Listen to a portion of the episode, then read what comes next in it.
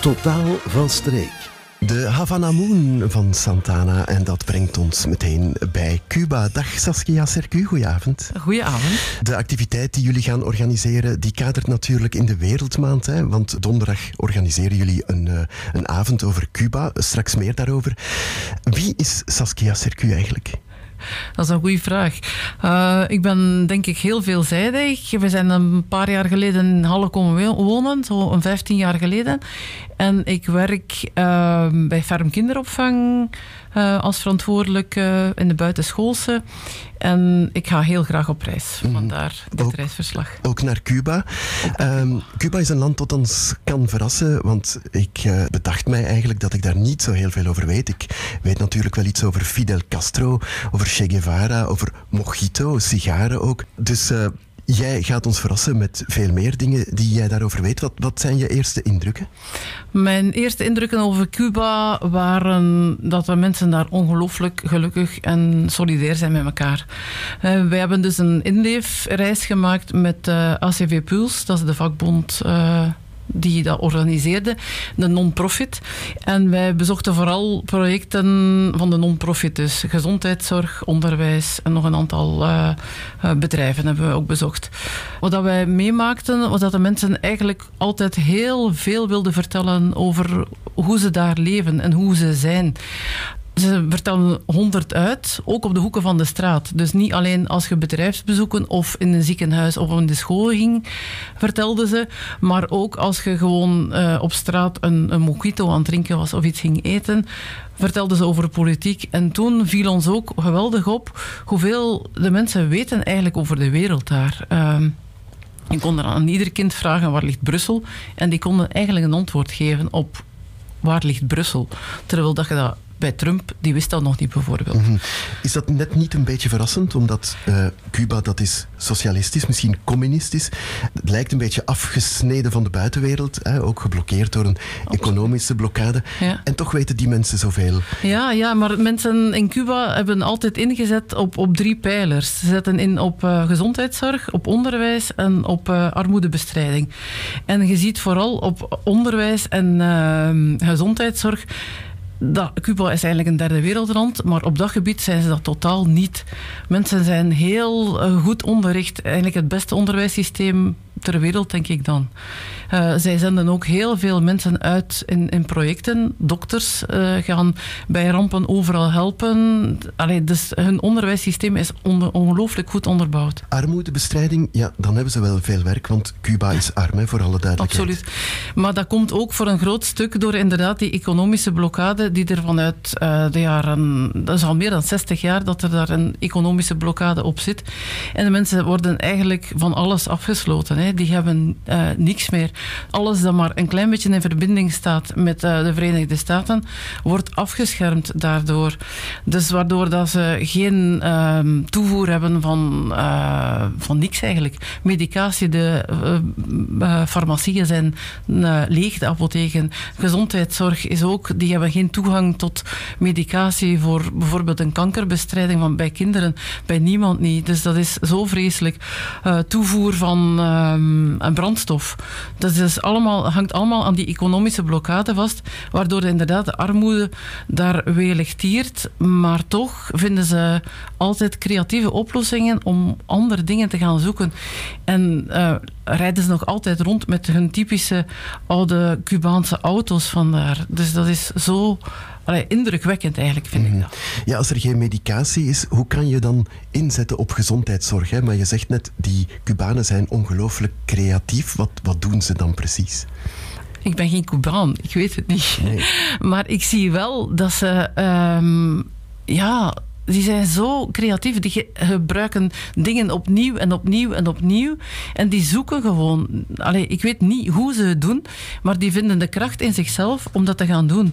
En waardoor dat ze ook als, als eerste bijna een, een vaccin voor COVID hebben ont, ont, ontdekt eigenlijk. Hè. -hmm. Hoe is het uh, cultureel leven in Cuba? Uh, je zegt eigenlijk Cuba is een, een cultuur van, van wachten.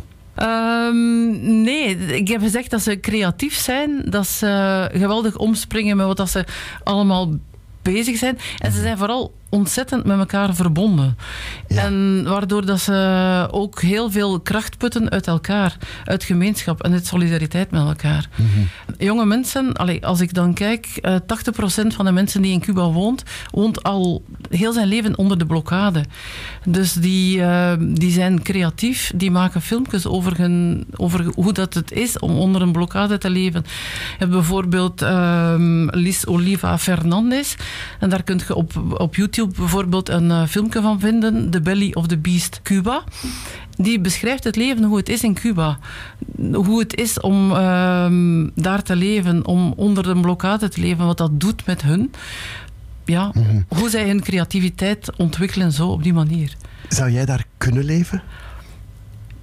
Ik weet het niet. Ik denk het wel, omwille van de solidariteit die er is. Maar ik denk dat het ontzettend hard moet zijn om daar te wonen. Omdat het inderdaad een cultuur van wachten is. Wachten op tot de, de brandstof komt. Omdat alles uh, plat ligt. Wachten tot elektriciteitstoevoer uh, terugkomt als de stroom uitgevallen is. Uh, wachten op productie van inderdaad andere ja, levensmiddelen.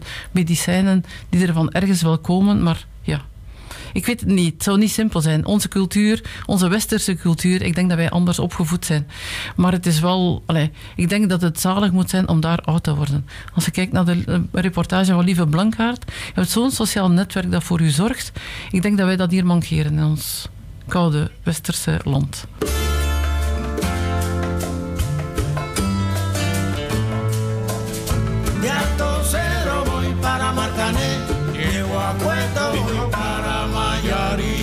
Buena Vista Social Club. Uit 1996 eh, zal dat ongeveer geweest zijn. Heb je daar ook iets van uh, teruggevonden in Cuba?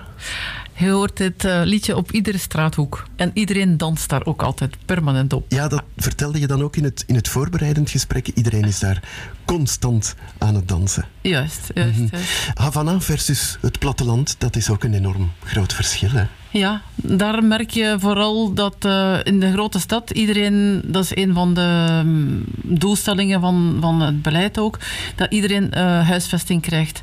Maar in Havana is dat eerder soms een kamertje, op het platteland zal dat eerder een, ja, een houten huisje zijn. Iedereen krijgt daar huisvesting, maar je ziet wel dat de armoede in de stad iets groter is dan uh, op het platteland. We gaan er nog iemand bij halen die aan de lijn hangt. Veerle Janssens, goedenavond. Goedenavond, Geert. Goedenavond. Jij hebt uh, ook Cuba-ervaringen, hè?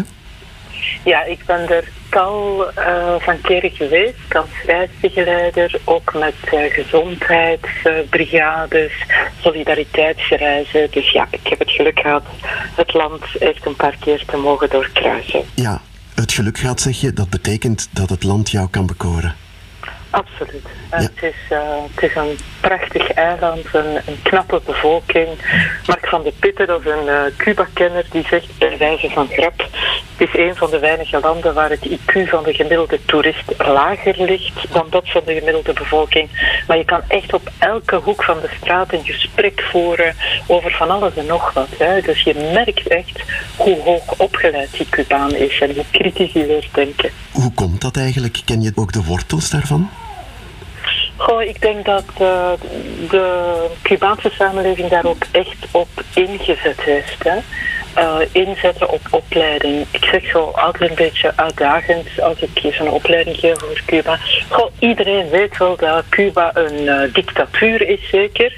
En dan zeggen de meesten, ja, inderdaad, zal wel. En dan stel ik de tweede vraag. Welke dictatuur heeft er nu baat bij om de bevolking hoog op te leiden? En dat doet al eens nadenken. Mm en het eerste boek dat na de Cubaanse revolutie sterk verspreid is, is uh, niet Marx of, of niet wat dan ook van ideologie, maar Don Quixote van Cervantes. Hè? Dus dat is een bevolking met idealen, uh, Geert, en dat voel je, dat voel je overal. Mhm. Jullie kennen elkaar ook, hè? Saskia en Veerle. Uh, Cuba is waarschijnlijk de gemeenschappelijke factor, of? Ja, dat klopt. Ja. Zijn er eigenlijk ook veel Cubanen in België, in Vlaanderen? Ik ken de juiste cijfers niet, Geert, uh, maar ze zijn ook georganiseerd bijvoorbeeld in de organisatie Cubanos in België. En dat is altijd wel interessant om, om hen te horen. Hè. Want ehm, het andere verhaal, ik weet niet of Saskia daar al op is in kunnen gaan, is natuurlijk dat Cuba heel hard te lijden heeft onder die blokkade. Wat maakt dat er helaas wel heel wat Cubanen toch een toevlucht nemen naar het buitenland. Heel vaak puur om economische redenen, maar wel een heel goede band houden met het eiland en ook met heel veel respect opkijken naar, naar de beslissingen die, die door Cuba worden genomen. Je hebt je ook wat verdiept in de plaatselijke gezondheidszorg en als ik het goed heb, zelfs in de psychiatrie, klopt dat? Goh, wat is verdiepen, hè? maar op een van de inleefreizen hebben wij het psychiatrisch ziekenhuis bezocht in Havana. En Saskia is daar ook geweest, dat Ja, zag ik in haar fotoboeken. En dat was eigenlijk een heel aangename ervaring. Je, je merkte de menselijkheid, er speelde een orkestje, je kon binnen en buiten lopen. Echt een hele open kijk, een mooie aanpak van eh, psychiatrische problemen. Maar vooral, ja, Cuba is ook heel sterk in preventie. vooral heel sterk in het zorgen dat mensen daar niet hoeven terecht te komen. Maar ik had nooit gedacht, Geert, dat ik ooit zelf hè, in een psychiatrische instelling zou belanden en daar dan helaas niet in een Cubaanse, met een warme menselijke aanpak, maar in, in ja, eigenlijk de ontsporingen van een opvang die geen opvang is, hè, waar ik gewoon in isolatie zou geraakt. Mhm, Daar heb je ook een boek over geschreven, Een tijd tussen al mijn tijden. Hè? Dus eh, in Cuba is het eigenlijk wel beter. Cuba zet de mens in alles wat het doet op de eerste plaats. En heeft een gezondheidszorg die niet draait rond winst, maar draait om zorg voor. hè. En dat komt overal naar voren in de internationale cijfers. Cuba scoort heel hard op alles wat preventie is. Maar tegelijkertijd mag je het ook niet idealiseren, hè, want ze lijden zo hard onder die boycott, onder die blokkade, dat ze bijvoorbeeld hun uitstekende medische kennis soms niet kunnen toepassen omdat er niet genoeg materiaal is. Dat ze door de blokkade veel te duur of helemaal niet kunnen binnenbrengen op het eiland. Dus het is, een, het is, een, eh, het is geen makkelijke taak hè, als Cuba, als dat koppige eilandje, om in die internationale context eh, te blijven voortbestaan. Als je zo alle voor- en tegens eh, tegen elkaar afweegt, zou jij er kunnen leven? Ja, absoluut. Je zou het kunnen leven. absoluut. Al is het maar zoals je zei, dat je op elke hoek kan dansen. Ja. Is dat social club. Ja. Het eh, klimaat, Saskia, dat is ook een belangrijke, want de zeespiegel stijgt en Ja. dat is eigenlijk ja, wel met gevolgen voor Cuba. Ja, Cuba is een eiland. Hè, en als de zee te veel stijgt, dan verdwijnt Cuba misschien over 100 jaar. Daar zijn ook al boeken over geschreven. Isabel van Brabant heeft dat gedaan, 100 jaar om de zee te stoppen. En ze beschrijft daar een aantal projecten in. En een van die projecten wij ook gaan bezoeken. Met Gilberte, die dagelijks zijn weerstation alle ja, windsnelheden, eh, neerslag bijhoudt. En dat dan ook doorgeeft aan andere weerstations. Om daar zo uit te leren, inderdaad.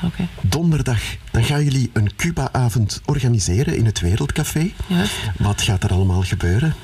Ja, ik denk dat wij vooral een reisverslag gaan geven over ons inleefverblijf in Cuba.